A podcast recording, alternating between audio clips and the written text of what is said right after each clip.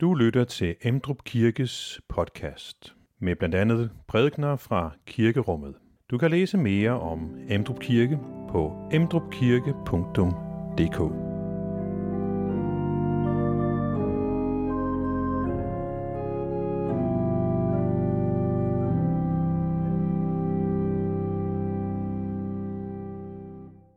Jesus, vi, øh, vi takker dig for, at du er den levende Guds søn, og dit ord det er stærkt og virksomt. Og vi beder dig om, at den historie om dig, som vi formodentlig har hørt før, at den må møde os helt frisk i dag, så det bliver levende og virksomt i os. Amen. Man kan sige, at øh, det vi skal, det vi skal være, være sammen om, det er på en måde sådan viklet meget ind i, i min egen personlige historie i hvert fald noget, der går, øh, går langt tilbage øh, til, at jeg ligesom begyndte at arbejde med det. Øh, helt præcis til, til midt i min, min studietid, hvor jeg læste teologi ved Aarhus Universitet og, og på menighedsfakultetet, og øh, min kone Jeanette og jeg besluttede så, så for at tage en overlov. Hun læste lærer, og jeg læste jeg til teologi der, og hvad var mere relevant så at tage til Israel.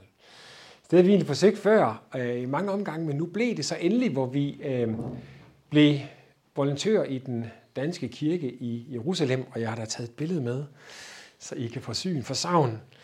Der står vi så og ser unge ud, og hvad siger man, min, min smukke halvdel står jo der og skinner, ikke? Nå, men det var, det var nede i den danske kirke i Jerusalem, hvor der var en, øh, en lavkirkelig præst ved navn Jens Arne Skødt, som satte os volontører til at lave så meget, som vi overhovedet kunne i gudstjenesten. Dog ikke nadvaren. Så det er også derfor, at jeg står i, i hvad der ligner en præstedragt. Hvad man så ikke lige kan se på billedet her, det er, at dernede der øh, kom de kun i én størrelse. Og det var altså... det var korte størrelser, så... den, den dag, man skulle hjælpe, der skulle man øh, have hvide strømper på, som, øh, som gik langt op. Nå, men øhm, det som, øh, det, som skete for mig der som ung teologistuderende, var altså, jeg kom fra midt i studiet, var det, der svarede til bachelor dengang, og havde jo gennemgået øh, nogle ting, i virkeligheden alle teologiens fag, det gjorde man dengang, så kom man på overbygning, og så tog man den en gang mere. Og alligevel så var det på trods af, altså, at jeg både har været til eksamen i Markus evangeliet, som vi skal være sammen om i dag, og, og andre skrifter osv., så, videre, så var det øh, en underlig oplevelse at komme til Israel. Øhm, man kan godt sige, og I har sikkert nogle af jer mødt nogen, der har været i Israel, som kommer frelste hjem. og jeg tænker, åh oh, nej, det er den historie, vi skal have. Og øh, det, vil, det ved jeg ikke, det håber jeg ikke, det er. Men man kan, man kan godt sige, at, at Israel giver et nyt lys på nogle ting, vi kender. Men i virkeligheden, så tror jeg hellere, jeg vil sige det på den måde, at Israel, en rejse til Israel, giver et gammelt lys. Og måske hjælper os til at stille skarpt på noget, vi kender, og godt kan forstå, vi kan faktisk godt forstå, hvad evangeliet er i Danmark, uden at have været i Israel. Men der ligger nogle dybe lag og nogle dybe øh, nuancer og farver, lidt ligesom skoven her, hvor vi er, øh, at bladet det rummer alle mulige farver, hvis det bliver eksponeret for forskellige temperaturer og årstider osv., så giver sådan en rejse til Israel en mulighed for at, at genopleve noget og måske få nogle nogle dybde nuancer med, man ikke helt har set.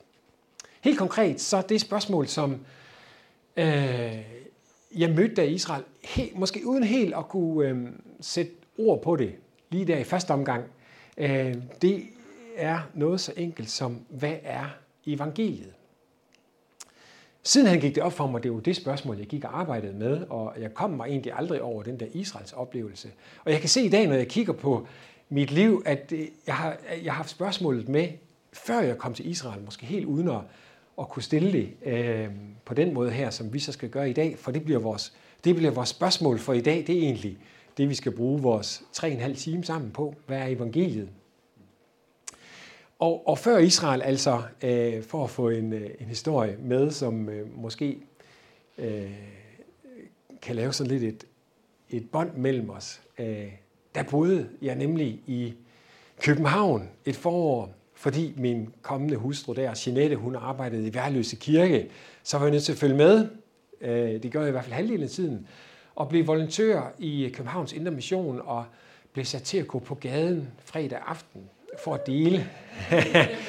ja, det var en skældsættende oplevelse i virkeligheden, øh, at stå derinde de der fredag aftener for at dele evangeliet med mennesker, der kom forbi.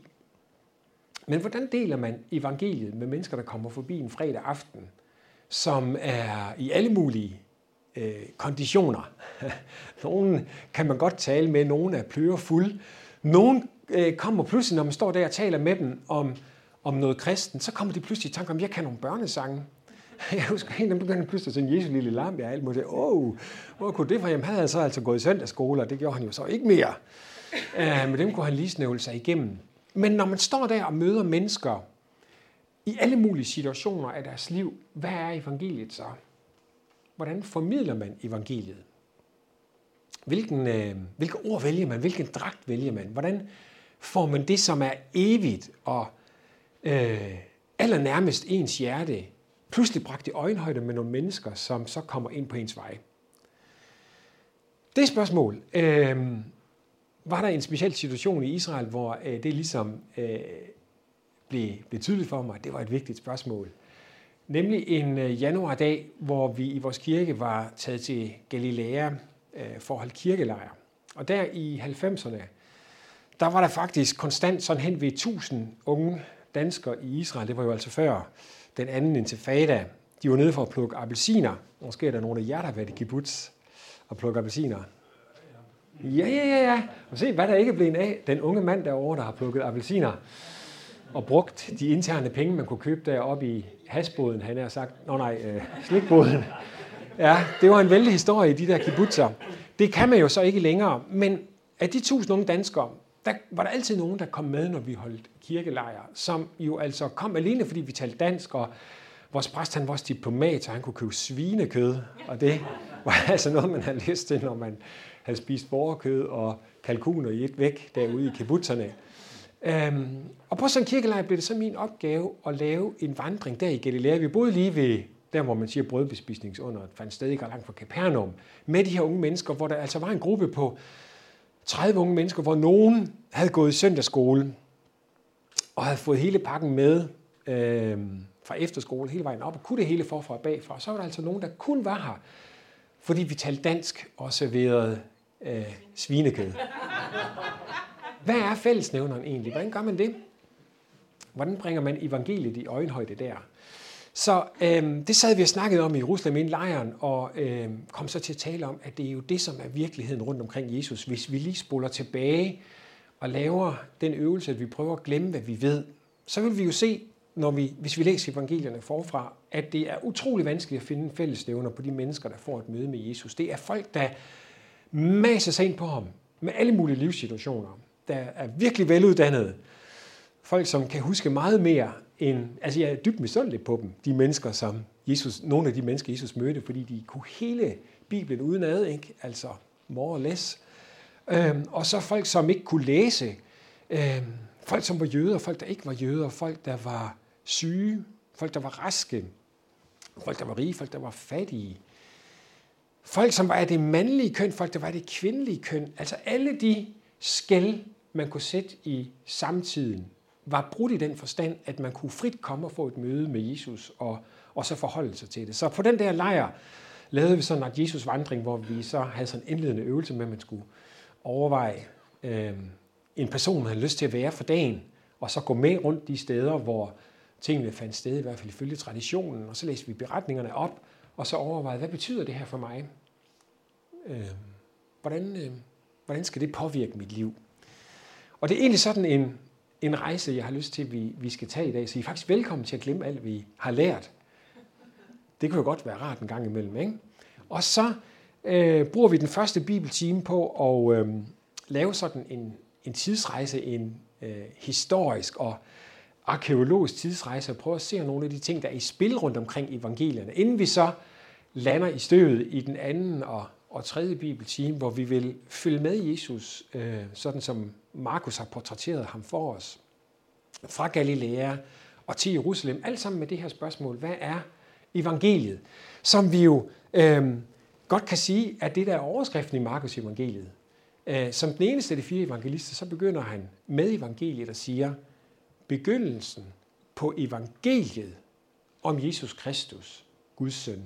Så det han vil fortælle os, det handler altså om evangeliet. Og hvis vi ikke nu ved noget, hvis vi lige for et øjeblik har glemt alt, hvad vi ved, så, øh, så er det jo en, en rimelig ting at sige til Markus, jamen det vil vi så gerne have svar på. Det vil vi faktisk gerne vide. Hvad mener du, evangeliet er, og hvad betyder det for mig? Er I med på det? Åh, det, jeg sidder ligesom, jeg kunne finde en dominobrik, fordi nu kommer vi faktisk til den første af mine to øh, øvelser. Så jeg kan godt sige, at jeg kommer til at smide lidt for tidligt, men øh, jeg synes, vi øh, lige kunne tage et par minutter, hvor I øh, to og to, eller sådan som I lige sidder og prøver at, at tale sammen her, inden vi så kommer til tidsrejsen og til Markus evangeliet. Hvad er evangeliet i grunden? Hvis nu vi skal sige med en sætning, hvad er evangeliet så? Har I lyst til det? Så lige øh, hvad det tager at, at sige den ene til den anden og den anden til den ene, evangeliet er.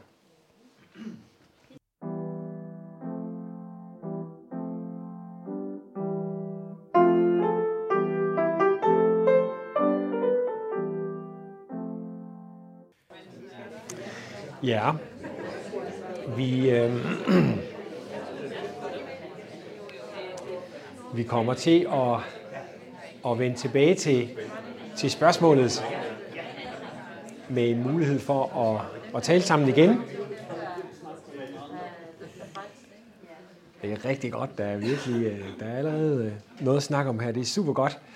Så, øhm, så vender vi tilbage til det øh, øh, til sidst, og, øh, og så prøver at, at se, jamen, øh, sådan som Markus så har talt til os i dag, øh, hvilke nuancer, hvilke dybder giver det i vores forståelse af, hvad evangeliet er. Så det vi skal nu, er, at vi skal tage på sådan en øh, tidsrejse, en historisk og arkeologisk tidsrejse. Jeg øh, plejer at sige til de studerende, jeg underviser på menighedsfakultetet i Aarhus, at de godt må gabe på et tidspunkt i min undervisning. Og det er, når jeg siger Selskab for Bibelsk Arkeologi. Prøv lige at teste jer selv, øh, når I beder fadervor om aftenen, hvis I, vi gør det, om I så kommer til at gabe. Der er nogle gange, man har sådan, det er sådan en kropslig ting, man Jeg kan se, at faktisk nogen, der ligger her. Sådan har jeg det næsten, når jeg siger arkeologi, så er det lige ved, at, at jeg er ved at falde i søvn. Der må man faktisk, der må man godt gabe.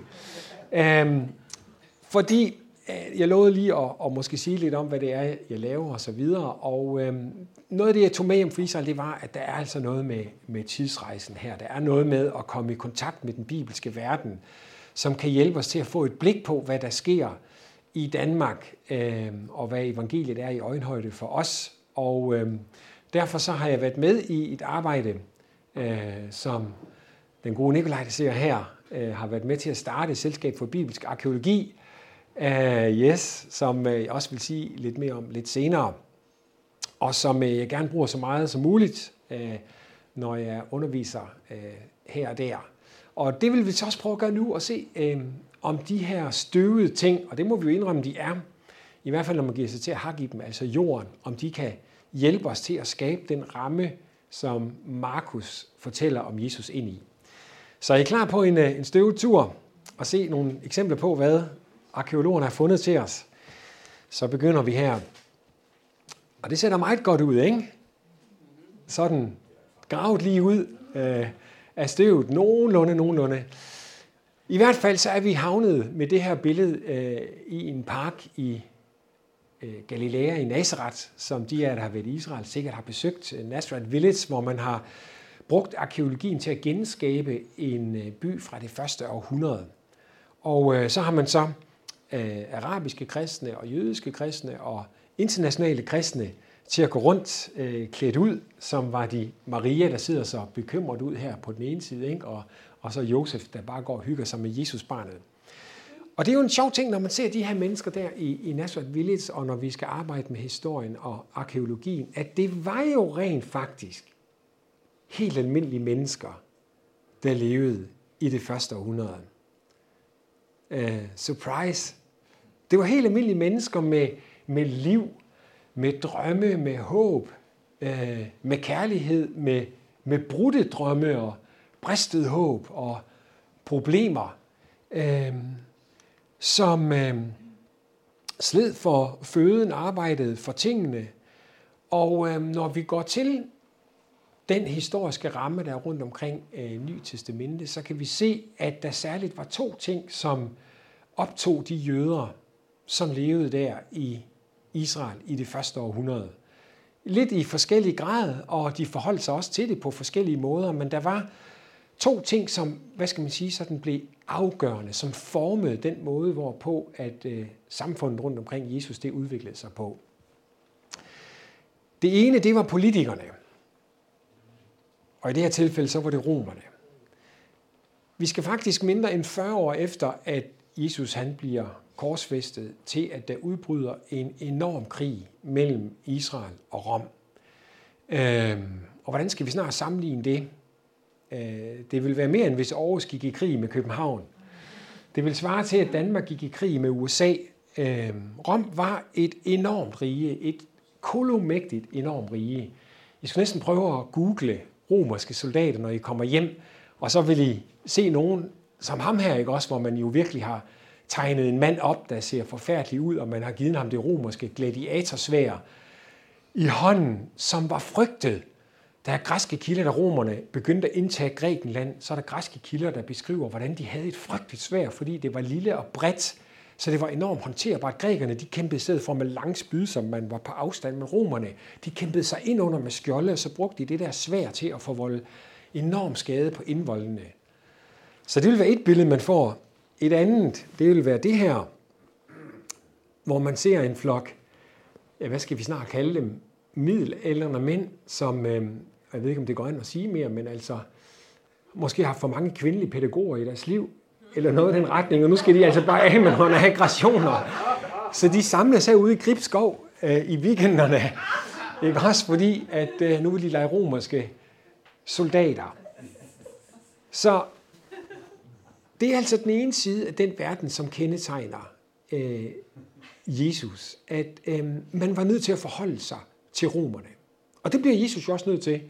Vi kommer ikke ind ellers på den beretning, så den kan vi godt lige smide ind på forhånd, men da han kommer på tempelpladsen og er dybt inde i en jødisk fortælling om påsken osv., så, videre, så er der nogen, der kommer med en mønt, som har kejserens billede på den ene side.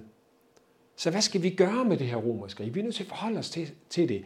Krigen var her endnu ikke, men øh, nogen var allerede begyndt at tænke i et oprør. Og hvad vil være bedre til et oprør, end at få den gamle kong David tilbage? Hvad var det, der var med David? Hvad var den store fortjeneste ved David i det gamle testamente? Det var, at han knækkede ryggen på filistrene, på den gamle romermagt. Den politiske og religiøse overmagt, der havde lagt som en tung dyne over Israel og nærmest betvunget sig dem og deres frihed, den knækkede David og skaffede fred til landet. Han blev den store fredskonge, og det er det, der gør ham til det store messias håb. Øhm, det er det, der gør ham til det store messias forbillede. Den, der var salvet til at vandre på Herrens vej og skaffe fred til Jerusalem. Hvornår kommer den Davids konge? Hvornår kommer han ridende ind i Jerusalem? Kan det tænke sig, at han kommer ridende ind af oliebjerget, af alle ting? Øh, og hvis han gør det, så skal vi godt nok være der i forreste række, fordi det kan være, at vi kommer af med de her folk. Så det var et problem, politikerne. Et andet problem, som måske i virkeligheden heller ikke øh, er helt så, så overraskende for os, der lever her. Altså hele vejen herover, hvor vi sad og hørte, øh, ja først var det P4 Østjylland, så blev det P4 Sjælland, der handlede det jo om valget, og alle de problemer, der er legnet op for ugen, der kommer. Så det er jo et genkendt problem, kan vi sige. Det er det andet sådan set også. Det andet problem, det var præsterne. Præsterne, de gode præster. Præsterne på Jesu tid. Præsterne i templet, som skulle stå for Guds vej og Guds linje, men som ikke gjorde det. I hvert fald ikke ifølge rigtig mange af de jøder, der levede på Jesu tid. Og igen var der lidt forskellige reaktioner. Nogle de nåedes med at kritisere dem, men blev alligevel øh, i templet. Øh, dem, der var præster på Jesu tid, der møder vi i Nytestamentet med navnet Sadukæerne. Så det var præsterne. En stor gruppe havde valgt at, at gå op mod farisæernes måder at håndtere den jødiske tradition på, det vil sige den jødiske lov, ved at have en anden tolkning af loven. Og den møder vi øh, rigtig mange gange i Nytestamentet, den vi møder flest gange i virkeligheden, nemlig farisæerne. Men der var også nogen, som havde valgt i opgøret og i virkeligheden i den kæmpe store debat om, hvordan skal vi tolke Guds ord til os rigtigst. Helt og forlade Jerusalem. Simpelthen pak deres ting og rejse ud i ørkenen. Faktisk øhm, så dybt ned på jordens overflade, som vi kan komme ned til det døde hav, det laveste sted, der er på, på jordens overflade. Og det var ikke fordi, at grundene var billige der. Det er jo en, det er jo en god grund at rejse til Jylland, ikke? Grundene er billige. Øh, det var de formodentlig også øh, ved det døde hav. Men de gjorde det med en bestemt tanke i, uh, i tankerne. Nemlig den, at hvis vi bosætter os der, hvis vi drager væk fra det Jerusalem, som vi anser, at Gud har forladt, præcis som han forlod templet i det gamle testamente, i Sigels bog beskrives det, hvordan Guds ånd forlader templet, fordi at folket har håndteret det, præsterne har håndteret det på en måde, så Gud ikke længere kan bo der. Så hvis vi forlader det sted, og i stedet for laver et nyt sted, ikke et fysisk tempel, men et åndeligt tempel, hvor vi holder loven så perfekt, så rent, øh, så regelret, så vil det ud af den stup, som Israel nu er blevet, som er skåret ned, så vil der skyde et nyt skud. Og det skud, det er os. Så dernede, der bor nu øh, det, som vi i dag kender som dødehavsfolket, kumranfolket eller essærerne. Og deres skrifter har vi jo fundet. Beduinerne og arkeologerne i fællesskab har, har fundet dem til os for sådan en, en 70 år tid siden, eller, eller hvad det er. Og det skrift, som er mest citeret, det skrift, som er i flest eksemplarer blandt dødehavsskrifterne, det er Esajas' bog. øh, som forklarer, hvorfor de har valgt lige nøjagtigt at flytte derned. Øh, hvis vi prøver at se i Esajas' bog, for eksempel kapitel 35,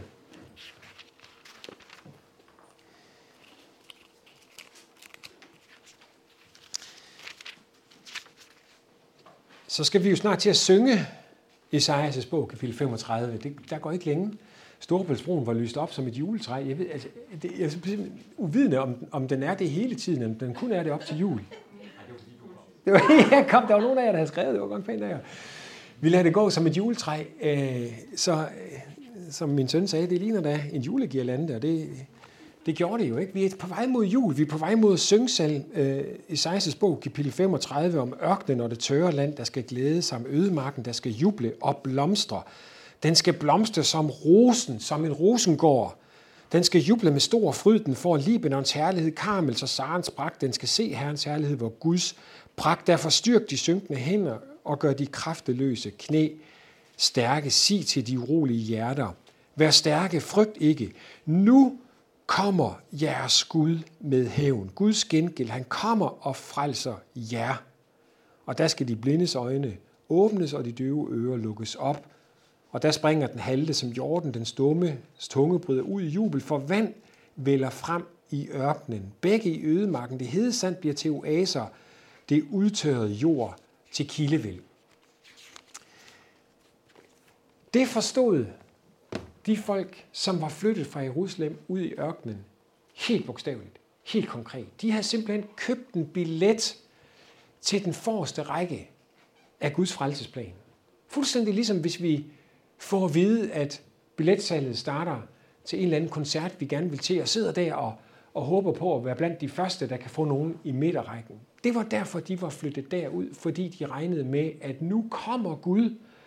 Gud kommer med hævnen over de ugudelige, han kommer med frelsen over de hellige. Og vi vil kunne se det, fordi ørkenen begynder at blomstre. Og øhm, det var altså nogle tanker, som vi kan regne med var på jødernes øh, nethinde øh, i det øjeblik, Jesus satte sin sandal ned i, i støv der i Galilea. Nemlig spørgsmålet om, hvornår kommer Gud og frelser? Og hvordan kommer han og frelser? Hvad for en stemme er det, vi skal lytte til? Skal vi lytte til, til præsterne inde i Jerusalem, som, som samarbejder med romerne for at bevare ypperste præstembedet, eller skal vi hellere lytte til de her fejserer, øh, som har en lidt anden version, men som også er blevet i Jerusalem? Eller skal vi lytte til dem, som er gået hele vejen og har adskilt sig, og måske nu er i gang med at forberede sig på et endeligt slag? De har den ene hånd i, i vejret for at bede, men den anden, den har de faktisk om sværet. Skal vi for en god sags skyld købe os to svær og gemme under kjortlen og have liggende under briksten, hvis nu det er, at Guds rige, hvis Guds frelse kommer til os på en måde, hvor han kommer til at lede os med en, en salvet person, det vi vil kalde en messias, en Davids søn, som vil gå forrest, og så skal vi gå efter ham. Inden på, på historien her, øh, som, som jeg lige nævnte lige før, øh, blev jo så rent faktisk, at det her enorme slag mellem Rom og Israel, det udviklede sig øh, til en alt ødelæggende krig i år 70 øh, efter, vores, øh, efter Kristus, efter vores tidsregning, øh, som fører til Jerusalems ødelæggelse og fører til templets ødelæggelse. Og viser altså, øh, hvor meget jøderne var villige til at gå ind i, en, i et slag, i en kamp, i en krig, for at få oprettet Guds rige. Så hvis man sagde til dem, vil du høre evangeliet? Kunne du tænke dig at blive en del af Guds rige? Så vil rigtig, rigtig mange af dem tænke, ja, det kunne jeg godt, fordi det betyder Jerusalems befrielse. Det betyder Jerusalems genrejsning. Det betyder at gå fra herlighed til herlighed, og spørgsmålet er blot, hvor er Messias? Hvornår kommer det til at ske? Derfor så kommer vi også til at øh, ret hurtigt i vores, øh, i vores vandring med med Markus, som jo altså begynder, som jeg nævnte lige før, begyndelsen på evangeliet om Jesus Kristus, Guds søn. Og nu kommer jeg lige med sådan en spoiler alert, hvis I har glemt alt, hvad der skal til at ske her. Så kommer vi faktisk til at støde ind i et problem, som vi bliver nødt til at, øh, at bede Markus forklare os. Altså, det må han forklare os, hvad det skal til for. Fordi i centrum af det, som Markus kalder evangeliet, så står der et kors. Vi kommer til at følges med Jesus fra Galilea til Jerusalem, og der kommer det ikke til at gå sådan som mange jøder, og ikke bare mange jøder, men sådan som mange jøder rundt omkring Jesus ønskede, det skulle gå helt ind i discipleflokken. Vi kommer til at møde et kors der. Øhm, vi vender tilbage til det i den sidste time, og hvor vi skal arbejde på øh, og se, om vi kan komme i disciplenes fødder, første gang de så det her kors. I dag der er det jo svært for os som gode kristne, ikke at forbinde noget godt med det her symbol, vi har på PowerPoint lige nu. Men det gjorde de altså ikke. Og derfor så vil vi bede Markus forklare os, jamen, hvordan kan evangeliet have et kors i det centrum, og så stadigvæk være det, som evangelium betyder helt enkelt. Det betyder godt budskab, eller hvis vi vil have flere ord på det, godt sejrsbudskab. Hver eneste gang det er brugt det her ord i det gamle testamente, og i øvrigt i alle de kilder udenom det gamle testamente, hvor det bliver brugt, så har det med sejr at gøre. Det er, når Gud fører sin vilje igennem, når retten sker. Når det onde mister sin magt, og det gode vinder. Det er et evangelium. Det er et evangelium om sejren, som fører til noget godt. Hvordan i alverden kan korset stå der? Ja, så langt til, øh, til tidsrejsen her. Nogle øh, spørgsmål så langt, det har vi snakket lidt om, at øh, det skal der være plads til undervejs, og det her det kunne jo være et sted. Yes? Jeg tænker, du nævner, at Esajas stod stærkt i bevidsthed, i hvert fald hos Isæren, øh, og øh, at det er jo Esajas, der også for, for, for, øh, forudsiger det her med, at man skjuler sit ansigt for at kende Ja. sygdom. Ja. Hva, var, I hvilken måde var det forstået, eller kilde til undring? Eller, Ja. ja. Ja, rigtig, rigtig godt spørgsmål. Øhm, vi, altså, de senere jødiske kilder, vi har, som sandsynligvis reflekterer, hvordan man forstod det, i det første århundrede, altså på Jesu tid, der tolkede man det som om, at det galt Israel som helhed. Altså at Israel øh, havde gennemgået alle mulige forskellige former for lidelser. Så det vil, være, det vil være et hovedsvar, at man forstod det som en måde ligesom at se Israel på, og så øh, med det eksempel, altså med tjeneren som eksempel på, øh, hvem Israel var. Et andet svar øh, vil være, at det var ikke det, der var i fokus øh, i Isaias' bog. Øh, hvis, vi, hvis vi går tilbage og lige kigger på Isaias, så lige inden kapitel 53, der har vi øh, overraskende nok kapitel 52, som rummer, hvad skal man sige, nærmest centrum af Isaias bogens profetier til Israel. Øh, om Sion, der skal vågne op og iføre sig sin styrke og sin festdragt, Jerusalem, den hellige by, øh, røstøvet støvet af sig øh, og løse sin halslænge, og du fangende Sion. Øh, for det, siger Herren, I blev solgt for inden, at I skal løskøbes, men ikke få penge. Og så siger han igen, i sin, tro, sin tid drog mit folk ned til Ægypten for at bo der, sammen med fremmede, og syrerne undertrykte uden grund. Og hvad er der nu for mig her at gøre, siger Herren, for mit folk er betaget, det tærsker jammer, siger Herren. Øhm, derfor, den dag skal mit folk lære mit navn at kende, for det er mig, der taler. Her er jeg. Hvor herligt lyder budbringerens fodtrin hen over bjergene. Han forkynder fred, han bringer godt budskab og forkynder frelse. Han siger til Sion, din Gud er konge. Så det her kapitel 52 beskriver, hvordan at Gud kommer tilbage til Jerusalem, kommer tilbage til Sion, hvor han tager den tidligere situation, hvor det har været i fangeskab, og så omgør den fangedragt til en festdragt, øh, og genindsætter sig selv på tronen. Øh,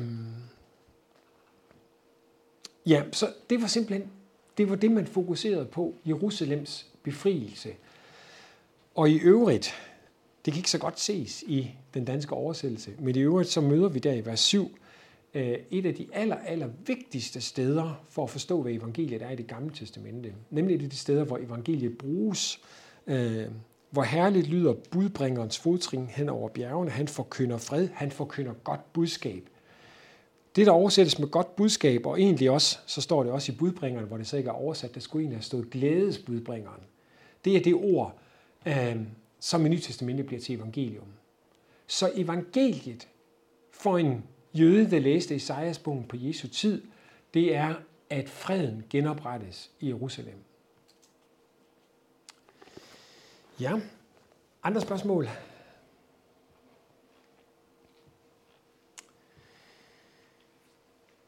Ellers, så tror jeg, vi, øh, vi starter lidt op på Markus evangeliet, inden vi skal have vores øh, første pause.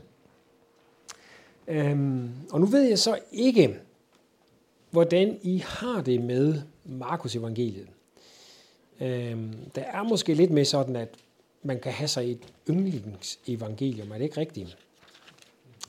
Det kan man godt have, det ved jeg ikke, om man bør have. Øhm, men hvis man har det, så er jeg ikke sikker på, at Markus evangeliet kommer så højt op på så manges lister. Øh, hvad vil der ske, hvis man til en julegudstjeneste sagde, i år skal vi ikke læse juleevangeliet fra Lukas evangeliet. Vi skal heller ikke læse den smukke Johannes prolog, men vi skal læse indledningen fra Markus evangeliet. Så er der nok nogen, der vil tænke, der mangler et eller andet. Og det er som om, når vi åbner Markus evangeliet op, så mangler der et eller andet. Der mangler den her julefornemmelse, den her setting af, af Jesus i, i krybben og så videre. Og, og kan vide, om, om det kan gøre, at nogen tænker, at, øh, at Markus evangeliet, det, det er måske lidt tyndt i sammenligning med de andre evangelier. Jeg kan så godt sige, at jeg har det helt modsat, og jeg kunne tænke mig at prøve at overbevise jer om, at Markus evangeliet starter helt fantastisk og på en måde, der gør, at hvis man er ved at falde i søvn, hvis dominobrikken er ved at falde for en, så kommer den altså så kommer den op på plads. Øhm, Markus Evangeliet minder mig i virkeligheden om udsigten fra mit kontor på, på MF der i Aarhus. Øh, som den dag, der kommer en konkurrence i radioen om, at man kan indsende, der er en konkurrence om, hvem har verdens kedeligste kontorudsigt. Så sender jeg det her billede ind. Det vil jeg faktisk mene, jeg har. Jeg har verdens kedeligste kontorudsigt. ud mod en transformatorstation, som, øh, som man kan sidde der og kigge på, øh, og umiddelbart tænke, der sker jo ingenting. Den har en ind. Øh, det passer ikke helt, der sker faktisk lidt en gang imellem. En gang imellem så flyver der en bold ind, fordi der er nogle uartige teologistuderende ude på den anden side af bygningen, der har sparket den ind, og så er den væk. Der kan også ske det, der kommer kaniner ind, fordi der er øh, masser af kaniner derinde, fordi der er nærmest ikke. Men så kan der så også ske det, at der bakker en bil med gul blink ned, og der kommer nogle mænd ud, ikke nogle små blå marsmænd, men nogle mænd i, i veste for at tilse den her.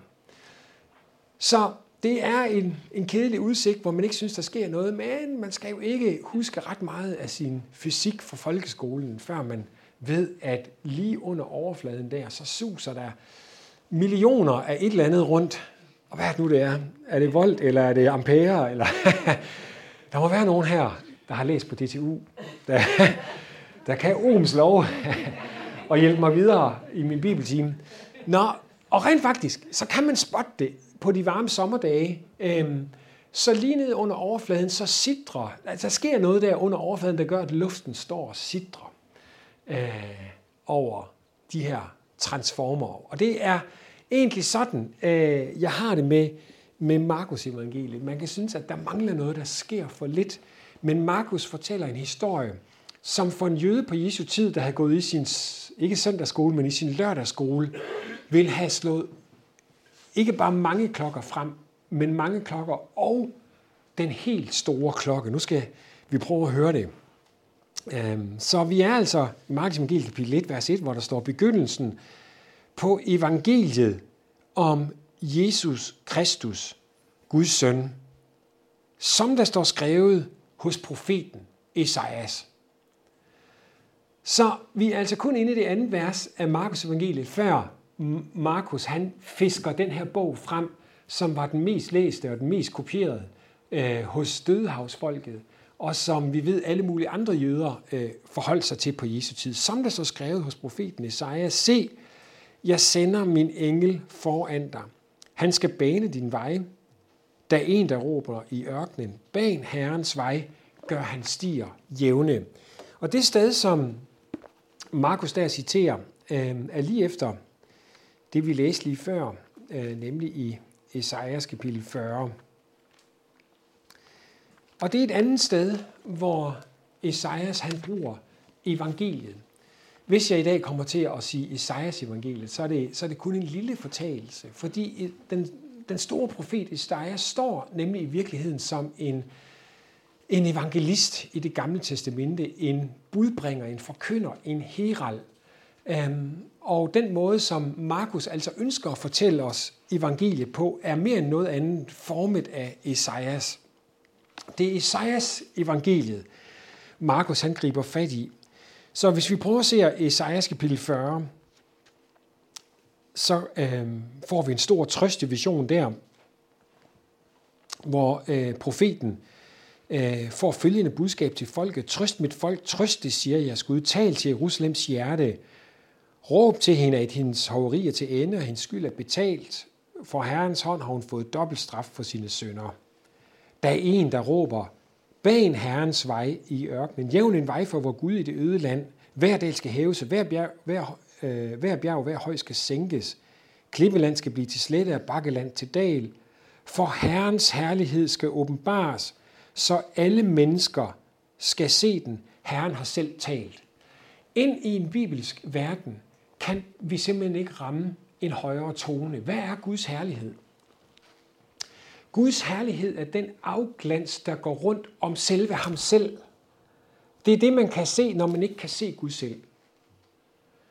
Og det stærkeste sted i, i det gamle testamente, toppunktet efter Edens have, det er på Sinai's bjerg, hvor Gud har ledt sit folk hen der, hvor de må komme frem til ham øh, på afstand, og de ser ham bryde himlen lave et øh, sted på jorden, hvor der er en, en forbindelse hen over det, som ellers ikke kan forbindes. Og så står der, at Guds herlighed tog bolig, slog sit telt op. Det er egentlig det, der står på toppen af Sinai's bjerg. Så det her, det er en Sinai's bjerg oplevelse. Det er spørgsmålet om, hvordan kommer vi tilbage til den situation, hvor vi kan møde Gud umiddeligt? Hvor vi bare kan gå hen og være sammen med Gud? Hvordan kommer vi dybest set tilbage til det punkt? Det er i virkeligheden det, som øhm, den dybeste tråd, både i det gamle og det nye testamente, vil besvare for os. Hvordan kommer vi tilbage til den situation, hvor vi kan gå en tur med Gud i haven, eller skoven, så at sige? Den situation, som vil omgøre, hvad man kan kalde for det sørgeligste vers i Bibelen. Øhm, efter Gud har skabt Edens have, sat sine to mennesker der, og været sammen med dem, så er det jo altså så, at de vil gøre sig selv til Gud og spiser lige præcis af den frugt, de ikke må spise, og skjuler sig for Gud. De skjuler sig for hinanden, og de skjuler sig for Gud. Og så kommer i 1. Mosebog kapitel 3, vers 8, hvad jeg synes kunne kandidere til at være det sørgeligste vers overhovedet i Bibelen. Jeg hører gerne, hvis I har andre kandidater. Øhm, men der står, at Gud går rundt i haven og kalder på Adam og Eva. Guds mennesker er blevet væk fra ham. Der er skabt en afstand sådan, at den øh, direkte og umidlede relation og det kærlighedsbånd, der, er mellem, eller der var mellem Gud og mennesker, det er brudt. Og det fører til Adam og Evas udvisning fra haven. Det fører til den situation, hvor man ikke kan øh, få den her kontakt. Og spørgsmålet bliver nu, hvordan kan den genskabes? Og mødet der ved Sinai's bjerg, hvor Gud tager bolig på toppen, og hvor Moses alene på folkets vegne kan gå ind i skyen, men hvor de kan se øh, effekten af Guds herlighed på afstand, den bliver det første af de svar, vi kommer til at møde. Øh, efterfølgende flytter Guds herlighed sig ind i templet. De får lige efter der instrukser på, hvordan de skal bygge det sted, hvor Guds herlighed kan være, og det skal indvies tabernaklet, som de kan tage med rundt med folket, så står der, at Guds herlighed fyldte teltet til sådan en grad, at der blev øh, messefald. Moses kunne ikke komme ind i templet. Prøv en gang at forestille jer, hvis Johannes han er nødt til at sige en dag, vi er nødt til at aflyse gudstjenesten i dag her i Hjemdrup. Vi kan ikke komme ind i kirken. Guds herlighed fylder den, ikke? Fantastisk oplevelse. Øhm, så der er vi. Gud fylder den dag sit telt i en sådan grad, at de endelig ikke kan komme ind og fortsætte tempeltjenesten. Og der er fra deraf og så resten af vejen igennem det gamle testamente et håb om, at den situation kan genskabes, hvor det her møde er der. Hvor jeg kan holde til at stå i Guds herlighed uden at dø af det. Og derfor, når vi åbner Esajas bogen eller Esajas evangeliet øh, og slår ned i kapitel 40 og får visionen om, at noget er slut, sørgetiden er slut, noget nyt begynder, og det der begynder, det er, at Gud kommer tilbage med sin herlighed, så er vi altså, øhm, så at sige, på toppen af Guds frelsesplan. Vi er, eller vi kan også sige, i det dybeste, i den dybeste længsel, der hvor Gud vil omgøre det sørgeligste vers i Bibelen, med afstanden mellem ham og mennesker.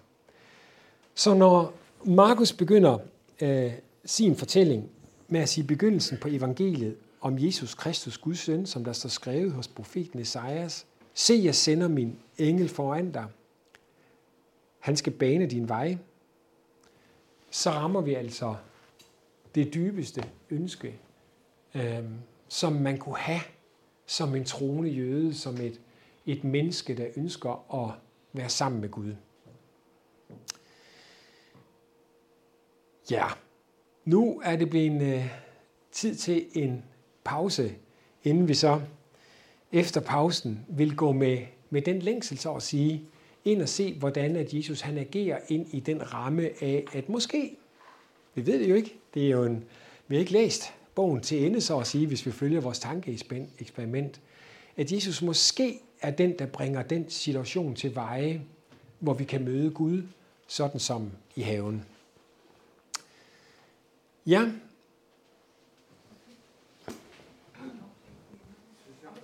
Find flere podcast og læs mere på emdrupkirke.dk